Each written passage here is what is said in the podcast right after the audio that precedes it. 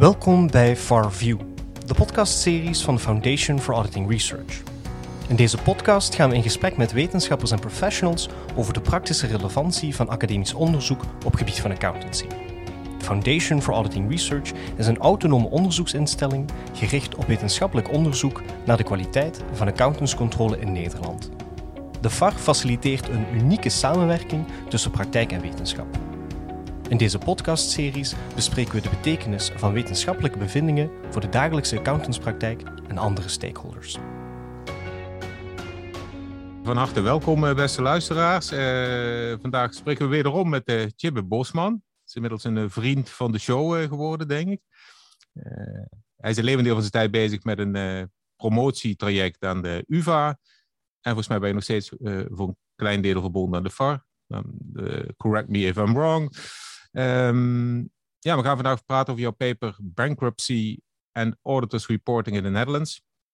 Heb je samengeschreven met Merel van der Kuip en Wim Jansen. En dit is een behoorlijk in nieuws geweest, uh, dit onderwerp. Ik weet niet hoeveelste interview is dit inmiddels, uh, Chibbe? Uh, vierde, denk ik. Oké. Okay. Ja. ja.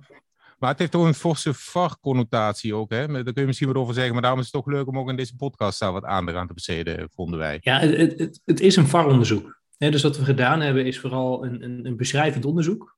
Om te kijken, voor accountant en continuïteit. Een heleboel ja. mensen vinden er veel van. Er wordt veel over geschreven, er wordt veel over gezegd. Maar goede, betrouwbare data over van ja, hoeveel bedrijven gaan er nou echt failliet, die onder de verplichte accountantscontrole vallen, um, die hadden we niet. Uh, En daar had ook de werkgroep continuïteit van de MBA last van. Um, nee, die waren er ook heel erg naar op zoek van ja, waar hebben we het nou over? Um, was jij, was jij erbij al... betrokken dan? Waren jullie betrokken bij die werkgroep dan? Uh, nee, maar de vardiezon Jeroen Bellinga van PwC was erbij betrokken. En die wist dat Wim en ik bezig waren met een, um, ja, een, een programmeerscript waarmee we automatisch uh, kunnen herkennen in de controleverklaring of er een continuïteitsparagraaf is afgegeven of niet. Mm-hmm. Um, Jeroen was betrokken bij de werkgroep continuïteit, ook voor het verzamelen van data en ook ja, feiten en, en casussen aandragen. En die zei van, nou ja, als we bredere data nodig hebben, dan moeten we eigenlijk die, uh, moeten we de VAR bij betrekken. En zo zijn we er uiteindelijk in terechtgekomen. En, die, en dat automatisch detecteren, hangt het samen met het algoritme wat jullie ook hadden ontwikkeld? Ja, exact. Ja.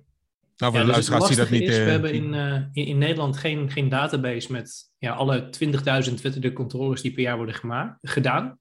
Ja. Um, dus het is heel moeilijk uitspraken te doen over de kwaliteit van accountantscontrole als geheel.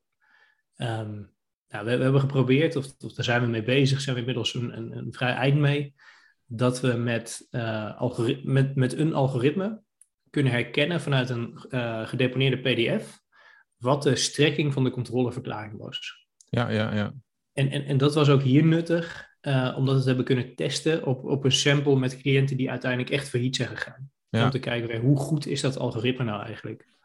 Dus dat stelde ons in staat om, uh, om dat te testen. Uh, en dat, dat kunnen we er inmiddels met 98% betrouwbaarheid uithalen. Oké. Okay. Ja, we kunnen nog, uh, ik zal een link nog opnemen in, uh, beneden naar dat uh, verhaal over, die, over het algoritme. Dat is wel interessant ja. misschien voor mensen die dat ja, nog dus, niet... Dus eigenlijk komt, um, ja, komt dit onderzoek en deze samenwerking ja, via dezelfde link voort. Ja. dus we waren al aan het samenwerken met, met Jeroen en met PwC op dat algoritme. En toen kwam de vraag van ja, hoeveel wettelijke controleverklaringen worden er per jaar afgegeven? Hoe vaak wordt daar gewaarschuwd voor continuïteit? En, en, en hoeveel van die cliënten gaan er uiteindelijk failliet? Ja. Um, nou, daar konden we het algoritme voor gebruiken. En voor de rest was een hele belangrijke bron um, uh, de uh, AFM-monitor. dus de data van de AFM, waar de AFM aan elke accountantsorganisatie vraagt van, goh, hoeveel controleverklaringen heb je afgegeven. Um, en ook hoe vaak heb je daarin gewaarschuwd voor continuïteit. Ja. En door dat alles eigenlijk aan elkaar te plakken, Um, en ook de data uit de faillissementsregisters um, uh, hebben we dit onderzoek kunnen doen. Ja, ja, ja. Goed, Chip, misschien een stapje terug. Misschien luisteren ook ja. mensen die, die, ja, die er niet zoveel afweten van die controleverklaringen uh, op het gebied van continuïteit. Misschien kun je, kun je ja, wat vertellen over wat moet een accountant eigenlijk doen op het gebied van continuïteit? Ja, nee, binnen, binnen, binnen, binnen, de, binnen de wettelijke controle, uh, zeg maar. Binnen de wettelijke jaarrekeningcontrole Ehm, kijk, een jaarrekening wordt opgesteld onder de veronderstelling, bijna altijd, dat er sprake is van continuïteit. dus dat twaalf maanden na balansdatum, waarvoor de jaarrekening wordt opgesteld, dat de onderneming er nog is in eigenlijk de huidige vorm. Dat is een hele belangrijke aanname die ten grondslag ligt aan de jaarrekening. Nou, de jaarrekening moet de economische realiteit weerspreken of weerspiegelen. En dat moet de accountant controleren. Dus in het kader daarvan controleert de accountant, is die continuïteitsveronderstelling, is die redelijk, gezien mhm. de, de omstandigheden. Als er een materieel risico is op discontinuïteit, wat de accountant dan vaststelt, dan moet de accountant daar verplicht iets over opnemen in de controleverklaring. En dan moet hij daarvoor waarschuwen, zodat het maatschappelijk verkeer weet van oké, pas op, die jaarrekening is opgesteld onder continuïteitsveronderstelling, maar er zit wel degelijk een materieel risico in. Oké. en... Dus dat is de waarschuwing die de accountant afgeeft. Dat is de zogenaamde ja, verplichtende paragraaf. Er zijn ook nog mogelijkheden voor een vrijwillige paragraaf. En dus dat de accountant toch zegt van, goh, ik heb er aandacht aan besteed. En bij organisaties van openbaar belang, dus beursfondsen uh, en financiële instellingen heel kort door de bocht, um, daar geeft de accountant een uitgebreide controleverklaring af. En daar worden ook de kernpunten uit de controle opgenomen. Maar in ons onderzoek zaten er daar niet zo gek veel van in. Hey, en die, die bewoordingen daarvan, uh, dat, dat, in een eerder interview werd, je, werd aangegeven dat uh, misschien dat een andere bewoording moest, omdat zelfs curatoren vaak niet begrijpen wat er wordt bedoeld. Terwijl het toch een groep zou, is waar je van zou verwachten dat ze wel snappen wat er wordt gezegd. Kun je, kun je daar iets meer over zeggen? Ja, dus, dus we hebben gekeken in de periode um, ehm, 2012 tot en met 2020. Welke rechtspersonen zijn failliet gegaan die onder de verplichte wettelijke accountantscontrole vallen? Nou, vervolgens zijn we daar ook overal die curatorenverslagen doorgegaan. En hebben we ook gekeken van, joh, wat zegt die curator nou over de jaarrekening en, en de accountant? En daar kwamen we teksten tegen waaruit duidelijk werd dat de curatoren ook niet altijd begrijpen ja, wat de verplichting en de verantwoordelijkheid van de accountant is. En want het percentage faillissementen dat, dat onder de wettelijke accountantscontrole valt, is relatief klein. want we hebben het dan echt alleen maar over vrij grote faillissementen. Dus ook de curatoren zeggen van ja, heel erg vaak hebben we nou ook weer niet te maken met um, dat er echt sprake is van verplichte accountantscontrole. We kwamen daar situaties tegen dat de curator bijvoorbeeld zei: um, de jaarrekening is goedgekeurd, met uitzondering van continuïteit. Dat kan niet onder de huidige accountantsregels. Ook als de accountant het niet zegt over continuïteit bij een controleverklaring, heeft de accountant daar wel aandacht aan besteed. En dus er, vindt eigenlijk altijd een uitspraak plaats mhm. over continuïteit. Dan wel impliciet, dan wel expliciet. Inmiddels is de controleverklaring nu uitgebreid zodat ook de werkzaamheden op het gebied van continuïteit wel transparanter worden voor de uh, jaarrekeninggebruiker. Mhm. Een heleboel jaarrekeningengebruikers ja, weten niet zo goed wat de accountant nou ja, de verantwoordelijkheid over continuïteit is. Er is ook een, um, een, een, survey geweest, onder een, een, ja, gewoon een uitvraag onder duizend uh, Nederlanders van ACCA. Dat was volgens mij inmiddels twee of tweeënhalf jaar geleden.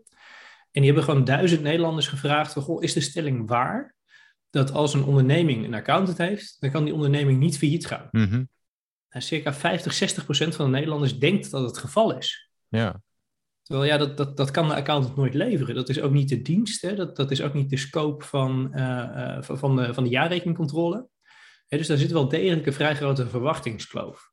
En dat in combinatie met ook veel, veel media-aandacht. Als er een keer iets misgaat op het gebied van continuïteit, um, ja, maakt het ook wel een, een, gevoelig onderwerp of waar ook veel misvattingen bestaan. Ja. En waar, ligt dat aan? Ik heb toevallig net een onderzoek gedaan uh, bij de Erasmus uh, met Auke de Bos onder andere. Ja. En die, uh, ja, de, blijkt toch ook toch een groot deel in die communicatie nog te zitten daarover. Hè, dat wordt vaak een beetje ja, gezegd dat je dat eigenlijk niet op die manier moet benaderen, dat verwachtingskloofprobleem. Maar dat lijkt toch wel een bijdrage te vormen, die communicatie. Hoe, hoe zie je dat hier? Ja, dat geloof ik ook. Kijk, de, de strekking en de beschrijving uh, van de controleverklaring, die komt uit de internationale controlestandaarden. Ja, die worden ontwikkeld uh, ja, internationaal, in, in New York geloof ik, door de IAASB. Um, En, en dat moeten ook vrij open standaarden zijn. Hè? Want die moeten ook van toepassing zijn op een heel breed scala aan, aan bedrijven. Toch is het taalgebruik wellicht nog ja, te onduidelijk uh, voor de gemiddelde jaarrekeninggebruiker. En, en, en dat, is, uh, ja, dat is denk ik wel een probleem. Ja. En die, die, die, die scope, wat de accountant wel kan doen en wat de accountant niet kan doen, ook inherent niet kan doen. He, garanderen dat een bedrijf niet failliet gaat. Dat, dat, dat kan een accountant niet doen. Een accountant schrijft geen uh, verzekeringspolis van goh, een, een, cliënt kan niet failliet gaan. Nee, ik snap het. Maar eh, heb je concrete eh, suggesties om dat te verbeteren nog? Die bewoordingen? Nou, wat, denk ik wel belangrijk is, is dat um, de gegevensontsluiting beter wordt. Dus um, de accountant um, ja, geeft een, een controleverklaring af. Die kan goedkeurend zijn, er kan een beperking in zitten. Het kan ook een afkeuring zijn of een ordeonthouding. En de accountant zegt ook iets over het continuïteitsrisico. He, of er al dan niet een materiële onzekerheid over continuïteit is. Nou, inmiddels geeft de accountant daar dus ook de werkzaamheden op het gebied van continuïteit in aan, in de nieuwe verklaring. Het lastige is dat die gegevens voor de gemiddelde jaarrekeninggebruiker heel lastig te ontsluiten zijn. Dat zit allemaal, he, als er al in XBRL wordt gedeponeerd, dus dat uh, bij de Kamer van Koophandel in het handelsregister een bestand wordt aangeleverd in XBRL, zodat de jaarrekeninggebruiker dat makkelijk kan inlezen en kan zien wat de accountant gezegd heeft, dan is dat bijvoorbeeld in het standaard uh, in het product standaard jaarrekening bij de Kamer van Koophandel niet zichtbaar dat de accountant heeft gewaarschuwd op het gebied van continuïteit. En, en dat is natuurlijk zeer onwenselijk. eigenlijk zouden we het liefst willen dat de jaarrekeninggebruiker direct kan zien vanuit het handelsregister van kijk, hier heeft de accountant gewaarschuwd. Dus wellicht moeten we met die cliënt, voordat we de zaken mee gaan doen, um, uh, gaan spreken over zekerheden of, of, of andere. Um, hoe, hoe kan dat dan? Dat, dat, hoe kan dat dan? Het is toch relatief eenvoudig om dat wel in te brengen, lijkt mij. Ja, ja de, de, de Kamer van Koophandel, ik heb ook met ze gesproken. Ja. Die zeiden van, nou, het komt niet zo vaak voor. Daarom doen we het niet. Oké. Maar er zit een waarschuwing in, in, in circa uh, 3% van alle controleverklaringen. Dus, het is wel degelijk een zeer grote populatie. En ook de maatschappelijke schade die in Nederland elk jaar ontstaat door faillissementen. Hè, dus gewoon schuld die niet betaald wordt omdat uh, uh, ondernemingen failliet gaan. Ja, dat is circa 4,4 miljard euro per jaar. Ja. Um, hè, de, dus die informatieinfrastructuur uh, die is niet op orde. de Kamer van Koophandel is niet voornemens daar iets aan te doen. En daar is denk ik ook het expliciete appel aan, aan de politiek en kwartiermakers om, om het onderwerp wel onder de aandacht te brengen. Ja. Maar in de meest recente brief aan de Tweede Kamer uh, en ook de meest recente rapportage van de kwartiermakers staat daar niets over in. Nee. En dat vind ik wel zorgelijk. Ja, ja begrijp het. Hoe, hoeveel bedrijven zijn het eigenlijk ongeveer die, die failliet gaan? Die, die... Hoeveel bedrijven? Ja. Uh, in, in de gehele periode bedoel je? Ja, omdat die 4,4 miljard, die wordt eigenlijk uh, steeds genoemd. Uh, ja. Ik probeer toch wat meer gevoel voor te krijgen. Hoeveel bedrijven zijn het dan? Zijn het een paar grote? Ja, in de zijn het hele hele periode, 2012 tot en met 2020, hebben we het um, uh, volgens het CBS, want dit zijn allemaal getallen, van, van, van, allemaal cijfers van het CBS, um, hebben we het over meer dan 40.000 ondernemingen die daar failliet gaan. Maar er zitten Ja. ook een heleboel eenmanszaken tussen. Eh, Of, Ja. of VOF's. Hè, en die vallen niet onder de wettelijke controleplicht uh, van de Mhm. accountant. Maar die 4,4 En- miljard die genoemd wordt? Ja, die 4,4 miljard, dat is een, eh, een, schatting van de onbetaald gebleven schuld per jaar. Als we kijken naar de ehm, grootste 25 faillissementen, moet ik het er heel even bijpakken. Wellicht heb jij het er zo voor je, maar dan hebben we het over ruim meer dan 10 miljard. Maar dat zijn allemaal controleplichtige ondernemingen. dan? Exact, die zijn allemaal controleplichtig. Ja, Ja. Je hoeft het niet precies uit te zoeken hoor. Ik, eh, ik was meer dus benieuwd van... het is eh, een vrij, vrij scheve verdeling. En, dat- en dat maakt het ook een complex onderwerp. Hè, want als we er naar kijken van ja, hoeveel van die 20.000 wettelijke controles per jaar gaan er nou echt mis? Dat zijn er heel erg weinig. Ja. Maar die waar het misgaat en waar we het echt over grote ondernemingen hebben, zoals de Imtechs van deze wereld, ja. ja, is de maatschappelijke schade direct heel erg groot. Ja, da- en dat. Ja, wat ik daar heel interessant aan vind, dat het lijkt nu als het dan zo gebracht wordt, als- alsof de, als de accountant een goede verklaring had afgegeven, die wel klopt. Dus eh, die tent gaat komende jaren failliet. ja. ja, was er dan, hoe, hoeveel minder groot was het probleem dan geweest? Van de, die schulden die, die niet worden afbetaald.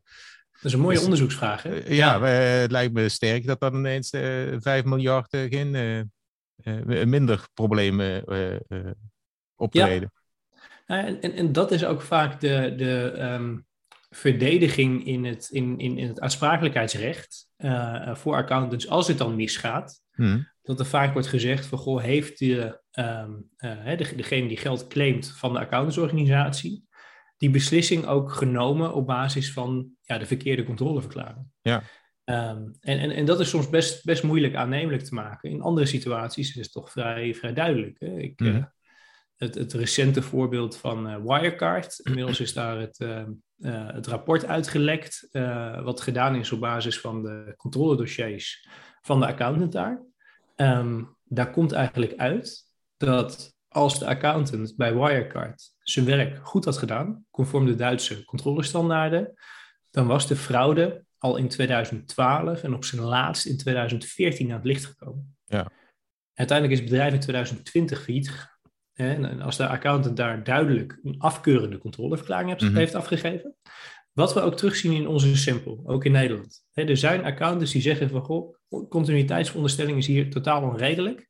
Mhm. Ik geef een afkeurende controleverklaring. Ja, maar dat is vooral bij lang... Dan is de casus redelijk om te zeggen van, goh, dan, dan, dan zouden we bij de financiers in ieder geval bellen gaan rinkelen. Um, moeten we hier nog verder mee? Ja, dus vooral bij langer, lang, langer lopende problematiek is dit zeker uh, relevant. Ja, en, en een continuïteitsprobleem ontstaat natuurlijk zelden um, uh, ineens. Het, het, kan voorkomen hè, dat, dat uh, bepaalde, ik, ik, noem maar wat, gascontracten zijn afgesloten en uh, breekt een oorlog uit.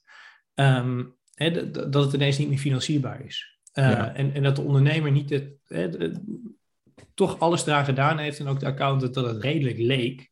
Maar dat het in, ja, binnen een aantal maanden, weken ineens er heel anders uitziet. Dat, dat zijn situaties die voor kunnen komen. Wat, mhm. wat wel de vraag is, en, en dat is ook een bredere vraag ook, ook voor het accountantsberoep. We, we zien een enorme vertraging in de tijd tussen de balansdatum en dat die controleverklaring openbaar wordt. En veel accountants lijken ook af te wachten. Het, mhm. het, zijn complexe afwegingen, die kosten tijd. De cliënt, de controlecliënt, is daar, is daar primair in de verantwoordelijkheid ook om de cashflow-prognoses en, en de financiering op orde te maken. Maar al die tijd ziet een jaarrekeninggebruiker op basis van het handelsregister niets. Ja.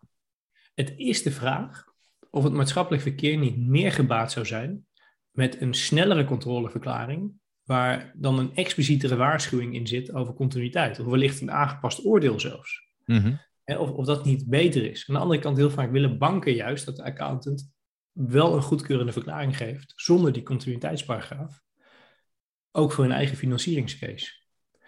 dus, dus het lijkt erop, vanuit de data, dat partijen veel op elkaar wachten en dat dat ten nadele komt van, uh, van de jaarrekeninggebruiker. Ja. Maar dat geldt voor alle ondernemingen dus? Niet, ja. ja precies.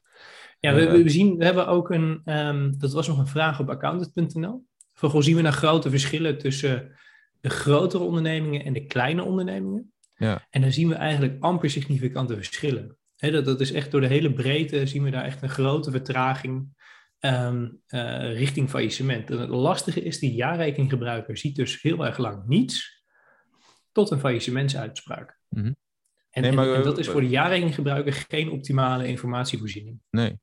Maar is het een algemene tendens ook bij bedrijven die niet in continuïteitsprobleem verkeren, dat er later wordt gedeponeerd?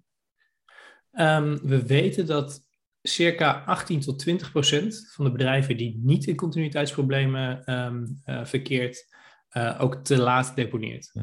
En hoe komt dat dan? Is het van, oh, anderen doen het ook, dus doen wij het ook? Of heb je daar zicht op die argumenten die daarvoor er bestaan? Zit aan, um, aan deponeren zitten uh, kosten voor de ondernemer. Ja. Niet zozeer de transactiekosten, als wel dat de ondernemer weet dat de concurrentie meeleest.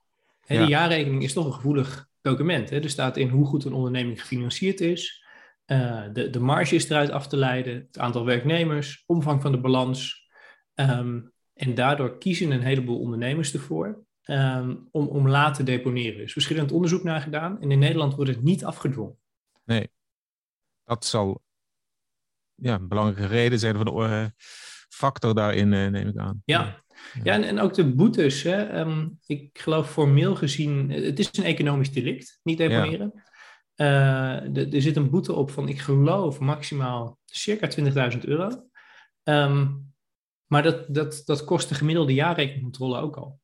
Ja. En als, als, als we kijken naar de jurisprudentie van ja, hoe hoog zijn de boetes die rechtbanken opleggen, dan, dan komen die boetes vaak niet verder dan 1000 euro.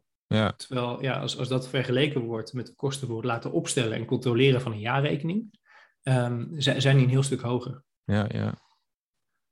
Ja, dat kan anders. En, dus. en, en, daarbij komt ook dat curatoren heel vaak niet overgaan tot um, aansprakelijkheidsstelling op basis van alleen uh, uh, een ontbrekende jaarrekening Mm. of een ontbrekende controleverklaring.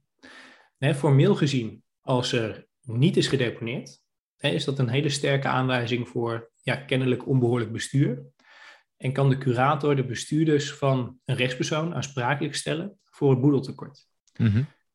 Uit uh, onderzoek van uh, de Universiteit Leiden, Jessie uh, Pol en collega's, een promovenda uit Leiden, die hebben gekeken naar hoe vaak komt het nou echt voor. Hè, dat de accountant um, echt overgaat tot, tot aansprakelijkheidsstelling, bijvoorbeeld omdat er niet aan de boekhoudplicht is voldaan, uh, of omdat er bijvoorbeeld geen jaarrekening is gedeponeerd. Nou, circa maar in de helft van de gevallen gaat de curator dan over tot insprakelijkheidsstelling. En dat is ook uh, conform de richtlijnen van Insolat, hè, dus de insolventieadvocaten. Maar voor het systeem als geheel is dat wellicht niet wenselijk. Er zit er ook een soort leereffect in als we bestuurders aansprakelijk of verantwoordelijk houden. Hè, dat, dat ze niet voldoen aan bepaalde eisen die we daar wel gesteld hebben. Um, ja, dan, dan, uh, dan zijn de consequenties ook niet zo groot als, als, als men zich niet aan de regels houdt.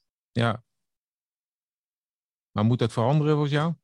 Ja, absoluut. Ja. Nee, dat is ook een van de, van de aanbevelingen van, van de werkgroep continuïteit. En ik denk ook een van de belangrijkste uitkomsten van, van dit onderzoek. Ja. En gaat, het hebben, gebeuren, gaat, het ook gebeuren, Jim?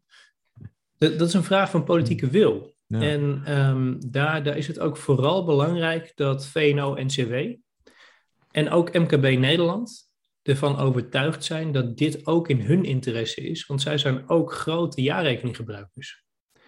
Dat, dat ook hun leden er erg veel last van heeft van um, ja, vorderingen waar ze op blijven zitten, omdat ze niet over de ja, tijdige en juiste financiële informatie beschikken.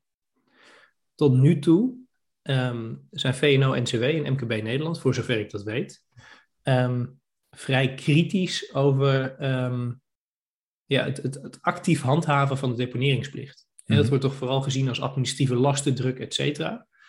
Um, terwijl ja, mijns inziens hebben we het over een aantal uh, piketpaaltjes uh, waarbinnen je onder je zaken kan doen in Nederland.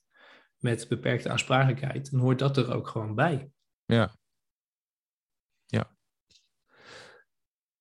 Oké, okay, ja, we, het ging toch even over de oorlog net. Dat had ik eigenlijk in het begin ja. even willen aankaarten. Ja, het is natuurlijk hartstikke actueel nu. Van, ja, wat gaat dat betekenen, Chibbe? Want de, de NBA die zegt nu wel dat de controles worden opgeschort voor uh, ondernemingen die, die onder de sancties vallen. Uh, ja, daar komen nog na, nadere richtlijnen voor. Maar ik vroeg me ook nog ruimer af van ja, hoeveel bedrijven gaat het raken uh, waar misschien zo'n continuïteitsverklaring wel aan, aan de orde zal komen? Is ja. er, is, bestaat er al enig idee over? Dat, dat, is een goede vraag en dat is ook een uh, complexe vraag. Kijk, er zijn een heleboel leverketens die op een of andere manier aan, aan Rusland of, of Oekraïne uh, hangen. Bijvoorbeeld uh, Volkswagen in Zwickau, wat de grootste Volkswagen-fabriek in, in Europa is, ligt nu stil omdat ze geen kabels kunnen krijgen die ze produceren in Oekraïne. Mm-hmm. Leverketens zijn enorm complex. En, en ja, we hebben gewoon te maken met een hele geglobaliseerde en, en Nederlandse economie die heel erg groot is. Um, dus het kan een heleboel bedrijven heel hard raken. Of, neem de, de, de hogere gasprijs. Uh, sauna's, crematoria, uh, bakkerijen. Um, uh, zullen daar enorm veel last van hebben. En niet al die bedrijven zullen even goed in staat zijn om hun hogere kosten dan ook door te kunnen berekenen. Een ander probleem wat er is met crisissituaties of, of instabiliteit um, is hetzelfde dat we gezien hebben in de financiële crisis van 2008. Er zijn een heleboel derivaten mogelijk. ook met graan, hè, waarvan het is 25% van de export van Oekraïne, ehm, maar ook met, met gas. En lastig is, prijsrisico's met derivaten zijn wel af te dekken, maar als je tegenpartij failliet gaat, sta je nog steeds met lege handen. Ja. Ik had zelf persoonlijk, ook voor mij thuis, een vaste gasprijs afgesproken. Vervolgens gaat mijn leverancier failliet. In feite heb ik een ja, derivaat afgesloten. Ehm, maar dat is niets waard, omdat de tegenpartij failliet gaat. En, en, en, en dat is dan wel ehm, ja, complex en spannend. En, en dat, dat hangt ook van organisatie naar organisatie, hoe afhankelijk men daarvan is. Mm -hmm. Maar krijg je een accountant hierdoor meer werk nu al? Om dat uit te zoeken? een aantal, absoluut. Ja. ja. Zoals ook bijvoorbeeld in de coronacrisis. Hè, daar, daar moest ook ineens uh, uh, ja, toch een heel aantal meer risico's worden beoordeeld. En ook worden gekeken van, goh, voldoet deze onderneming wel aan, uh, aan de steunvereisten? in hoeverre wil de bank daarin meegaan? hoe kwetsbaar is dit bedrijf? Mm -hmm. Maar ook daarbij in die hele situatie, maatschappelijk gezien, hè, van, van wat heeft de economie nou nodig van het accountantsberoep? Is tijdige en betrouwbare informatie.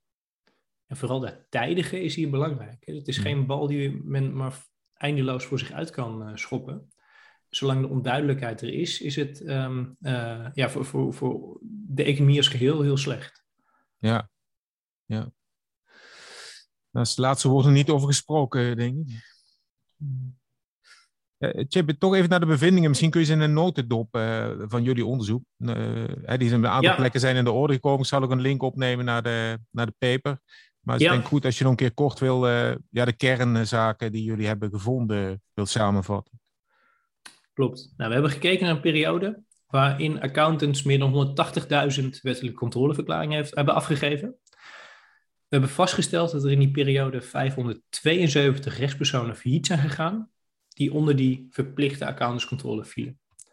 En dus dat zijn er relatief gezien weinig. En dus dat is meteen een van de bevindingen van de kans in ieder geval historisch gezien over deze periode, dat um, een rechtspersoon die onder die verplichte accountantscontrole valt, ook daadwerkelijk failliet gaat, was in deze periode vrij klein. Um, het lastige is wel, als we dan gaan kijken naar ja, van die 572 rechtspersonen, zijn we door alle gegevens gegaan wat de curator aan de rechtbank heeft gerapporteerd in de faillissementsverslagen, maar ook in de laatste drie jaarrekeningen. Hebben we gewoon gekeken, heeft die rechtspersoon gedeponeerd? Zat er een accountantsverklaring bij? En wat heeft die accountant gezegd? Nou, als we daar kijken, dan valt er ons op dat naarmate het faillissement vordert, dus steeds slechter wordt gedeponeerd. dus steeds meer gegevens ontbreken, steeds vaker ontbreekt de controleverklaring terwijl die er wel moet zijn. Maar als we dan kijken, echt het laatste boekjaar voor faillissement, dus stel, er is nu in 2022 een faillissementuitspraak, is er dan voor 2021 voor faillissement nog een jaarrekening opgemaakt? Nou, dat, is maar, dat, dat zijn slechts een aantal gevallen.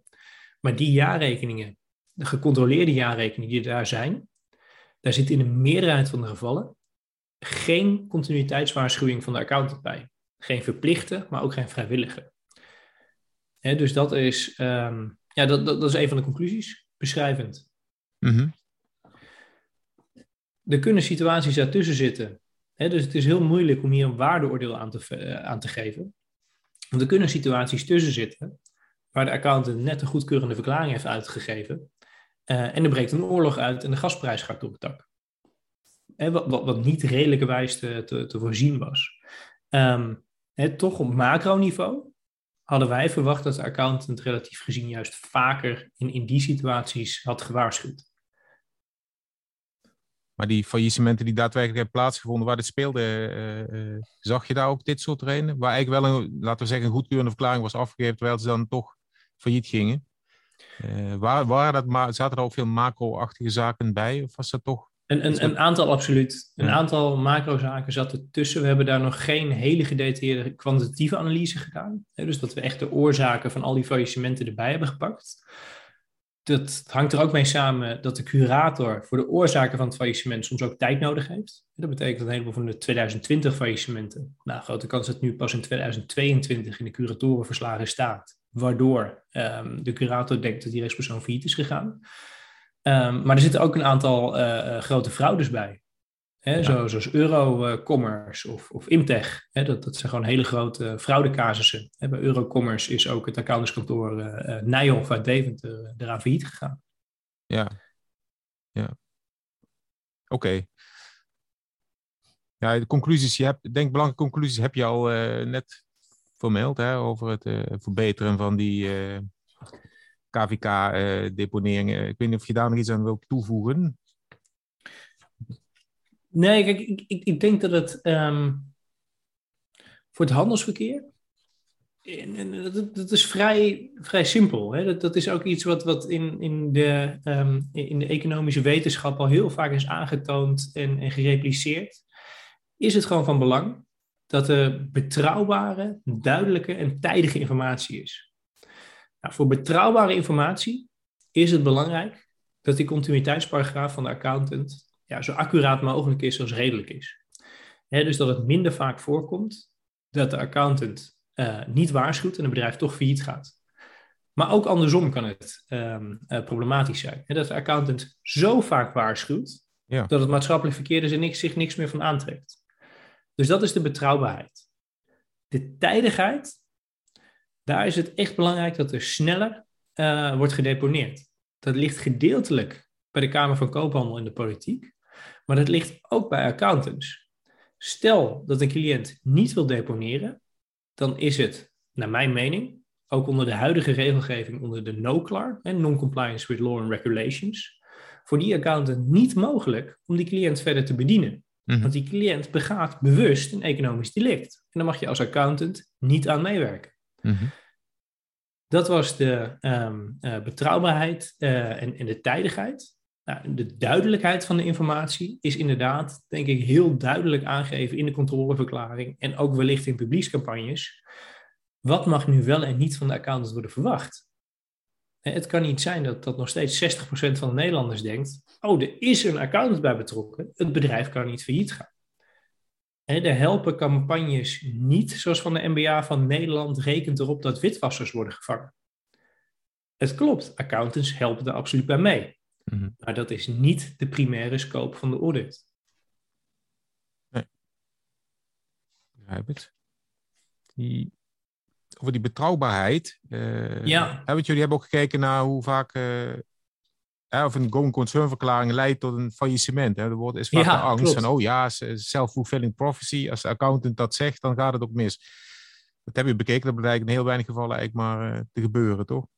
Ja, ja dat, dat is het. Um, denk het unieke aan deze studie en, en, en daarbij alle credits voor de collega's van de AFM, hè, die die data verzamelen, uh, controleren op betrouwbaarheid en, en ook, ook ons ter beschikking hebben gesteld voor het onderzoek, is dat we eigenlijk over de, over de populatie als geheel uitspraken konden doen omdat we ook vanuit de foundation zulke brede data hebben, onder andere door de, uh, de algoritmeoplossing die we hebben, uh, maar ook de, de hulp van de MBA die we hebben gekregen met de studentenassistenten, konden we echt kijken van ja, hoe vaak komt het nou voor dat de accountant een continuïteitswaarschuwing heeft gegeven en dat het bedrijf failliet gaat. Mm ja, in 99% van de gevallen gaat het bedrijf 12 maanden uh, na de balansdatum waar de accountant voor heeft gewaarschuwd, niet failliet. Terwijl dat is vanuit controlecliënten vaak wel een pressiemiddel tegen de accountant. He, van, goh, je tekent nu mijn doodsvonnis. Uh, want, ja, omdat jij waarschuwt, accountant, zal ik nu failliet gaan en dat lok jij hiermee uit. Nou, dat, dat kan natuurlijk nooit een reden zijn om ook niet um, uh, de waarheid te zeggen als accountant. En, en, objectief weer te geven um, hoe het bedrijf er echt voor staat.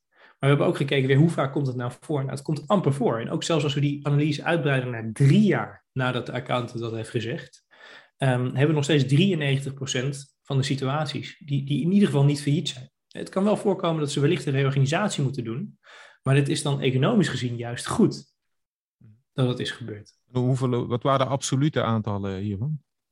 De absolute aantallen, ik moet er heel even bijzoeken. Zijn dat duizenden of is dat minder?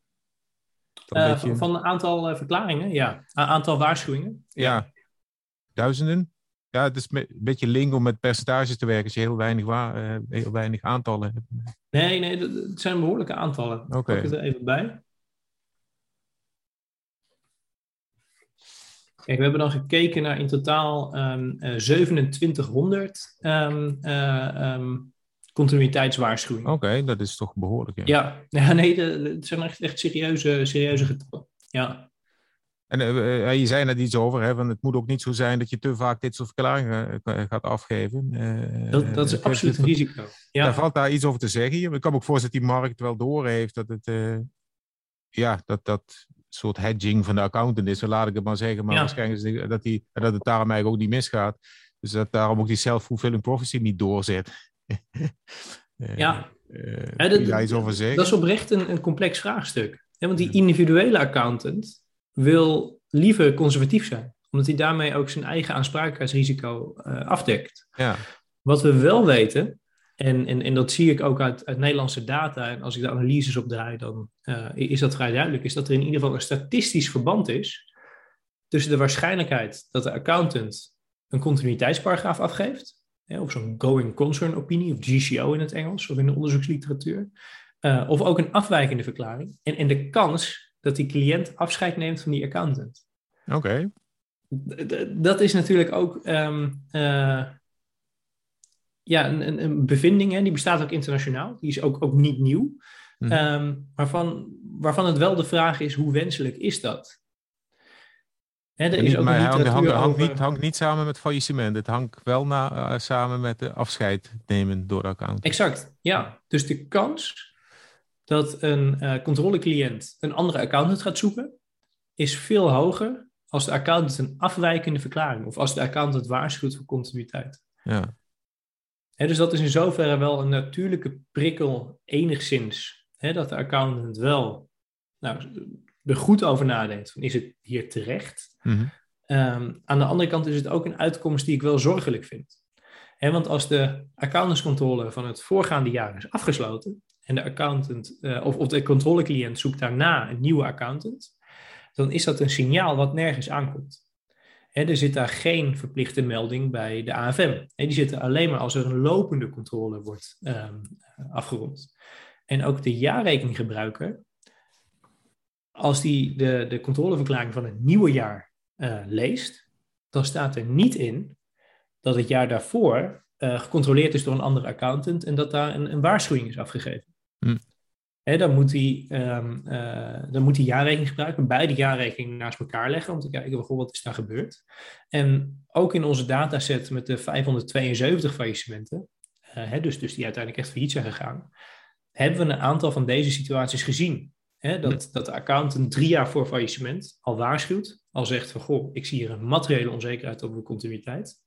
Twee jaar voor faillissement is er ineens een andere accountant en ineens is het risico weg. Mm -hmm. En, en, en, en dat is um, macro-economisch natuurlijk uh, ja, echt de vraag of dat nuttig is. Uh, of wenselijk. Ja, in hoeverre heeft hij dan een voorspellende waarde, die verklaring? Als je gewoon naar, over de hele breedte kijkt, hè? Uh... Ja, de voorspellende waarde is um, voor, voor een daadwerkelijk faillissement is hij relatief laag. Maar dat is natuurlijk niet de strekking van die verklaring die strekking van de verklaring is of er echt een onzekerheid is over continuïteit. Mm -hmm. En ook in die, die situaties, die 99% van de situaties dat er geen faillissement heeft plaatsgevonden, kan het juist wel de trigger zijn dat de bank zegt: van goh, gaan we toch eens nog goed naar de financiering kijken. Ja. En moeten we wellicht toch deze activiteiten afstoten. Um, of een reorganisatie doorvoeren. Maar kon je dat uit de data halen of hebben jullie dat niet bekeken? Hier hebben we nog niet naar gekeken. Oh. Ja, zou het om, dat was ook een vraag die ik had. Zou het ontbreken van een verklaring, is, moet het altijd een red flag zijn?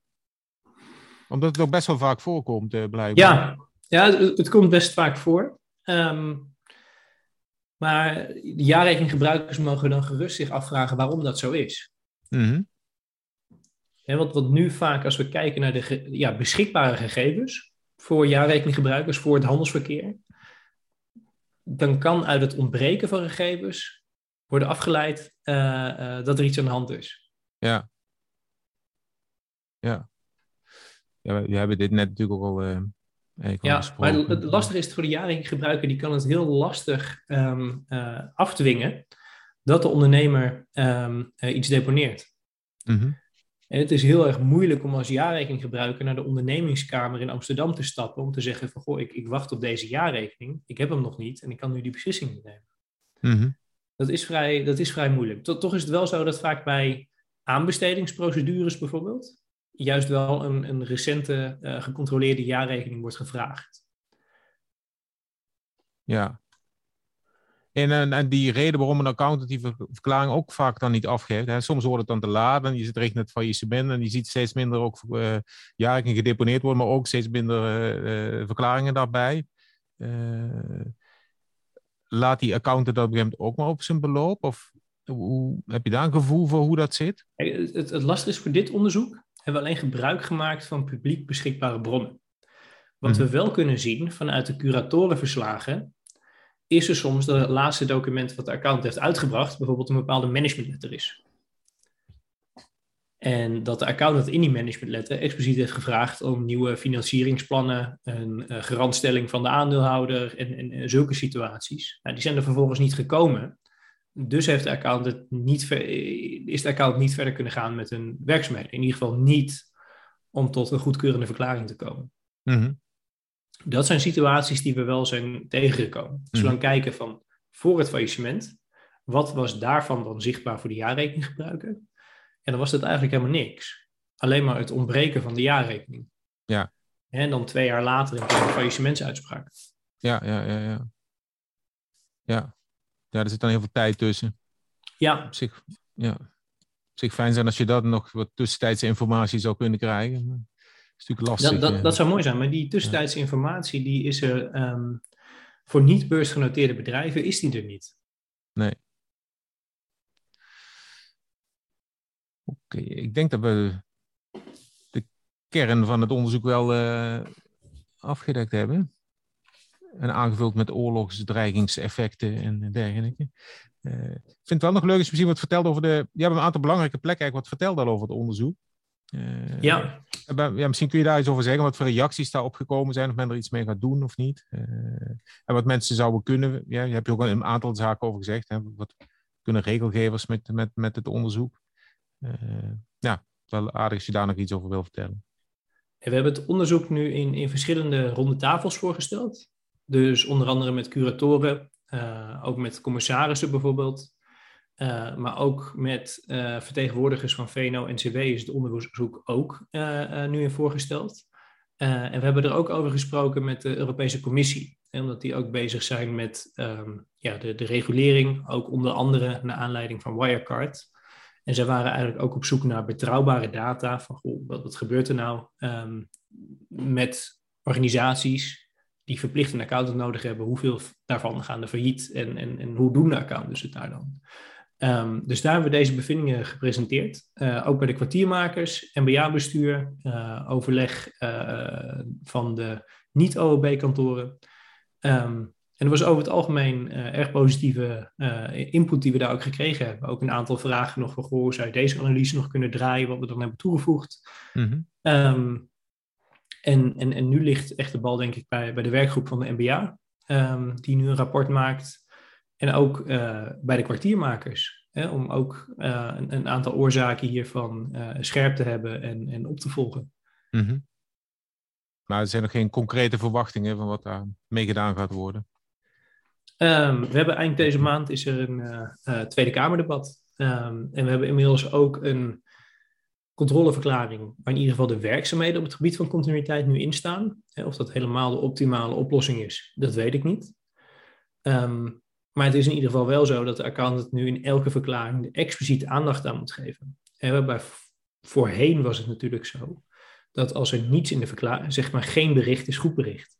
Um, maar dan is het ook de vraag of de werkzaamheden altijd voldoende waren. Ja, op het continuïteitsrisico. Ja, ja. Was er ook kritiek nog? Op het onderzoek? Ja. Op het onderzoek in zoverre waren een aantal mensen teleurgesteld dat we het niet konden uitbreiden naar uh, de niet-wettelijke controles. En dat heeft eigenlijk alles daarmee te maken dat we daar geen goede uh, populatiedata hebben. Dus wat we hier kunnen doen, dankzij de AFM-monitor, dat kunnen we voor de niet-wettelijke controles kunnen we dat niet doen. Een niet-wettelijke controle moet ook, uh, controleverklaring moet niet verplicht worden gedeponeerd. Dus daar kunnen we niet van zeggen van goh, we hebben nu inderdaad een gehele populatie te pakken en, en, in zoveel situaties gaat het mis. Hetzelfde ook voor samenstelverklaringen. En die moeten ook niet verplicht worden gedeponeerd. Had ik met, met alle liefde uh, willen meenemen. Uh, maar hebben we hier niet kunnen doen, omdat we dan hmm. niet kunnen, kunnen spreken over goh, vanaf deze omvang um, is een samenstel of, of een, een, vrijwillige controleverklaring nodig. Omdat dat ontbreekt, kunnen we dat onderzoek niet op, op die populatie uitvoeren. Oké. Nou, Chibbe. Dus uh, die, die nog... kritiek die kan ik helaas ook niet. Uh, niet meer nee. Ja. heb je nog een tip? Praktische tip. tip. op basis van het onderzoek? Um, een tip. ja, kijk vooral goed naar het deponeren van, van de eigen controlecliënten. ga echt na als accountant, als de jaarrekening is gecontroleerd, dat die ook wordt gedeponeerd. Dat staat ook allemaal netjes vaak in de aanbiedingsbrief bij de controleverklaring. Maar kijk ook voor de opdrachtacceptatie van het jaar erop of die verklaring ook daadwerkelijk is gedeponeerd. Is die verklaring niet gedeponeerd? Vraag het de cliënt nogmaals. Um, en, anders uh, ja, werkt de accountant in zoverre mee een economisch delict en kan die opdracht niet worden voortgezet. Dat is denk ik voor accountants een van de belangrijkste bevindingen. Um, en, en, en, pas goed op het continuïteitsrisico. Eh, overweeg het goed. Kijk goed naar financieringsplannen. Uh, in Nederland is het kastroomoverzicht niet wettelijk verplicht. Veel controlecliënten maken hem daarom ook niet. Um, maar dat neemt niet weg dat een kaststroomprognose, opgesteld door de cliënt, wel belangrijk is om tot een goed, uh, goede conclusie op het gebied van continuïteit te komen. Oké. Nou, Chibbe, hartelijk dank. Tot de volgende keer uh, weer. Tot de volgende keer.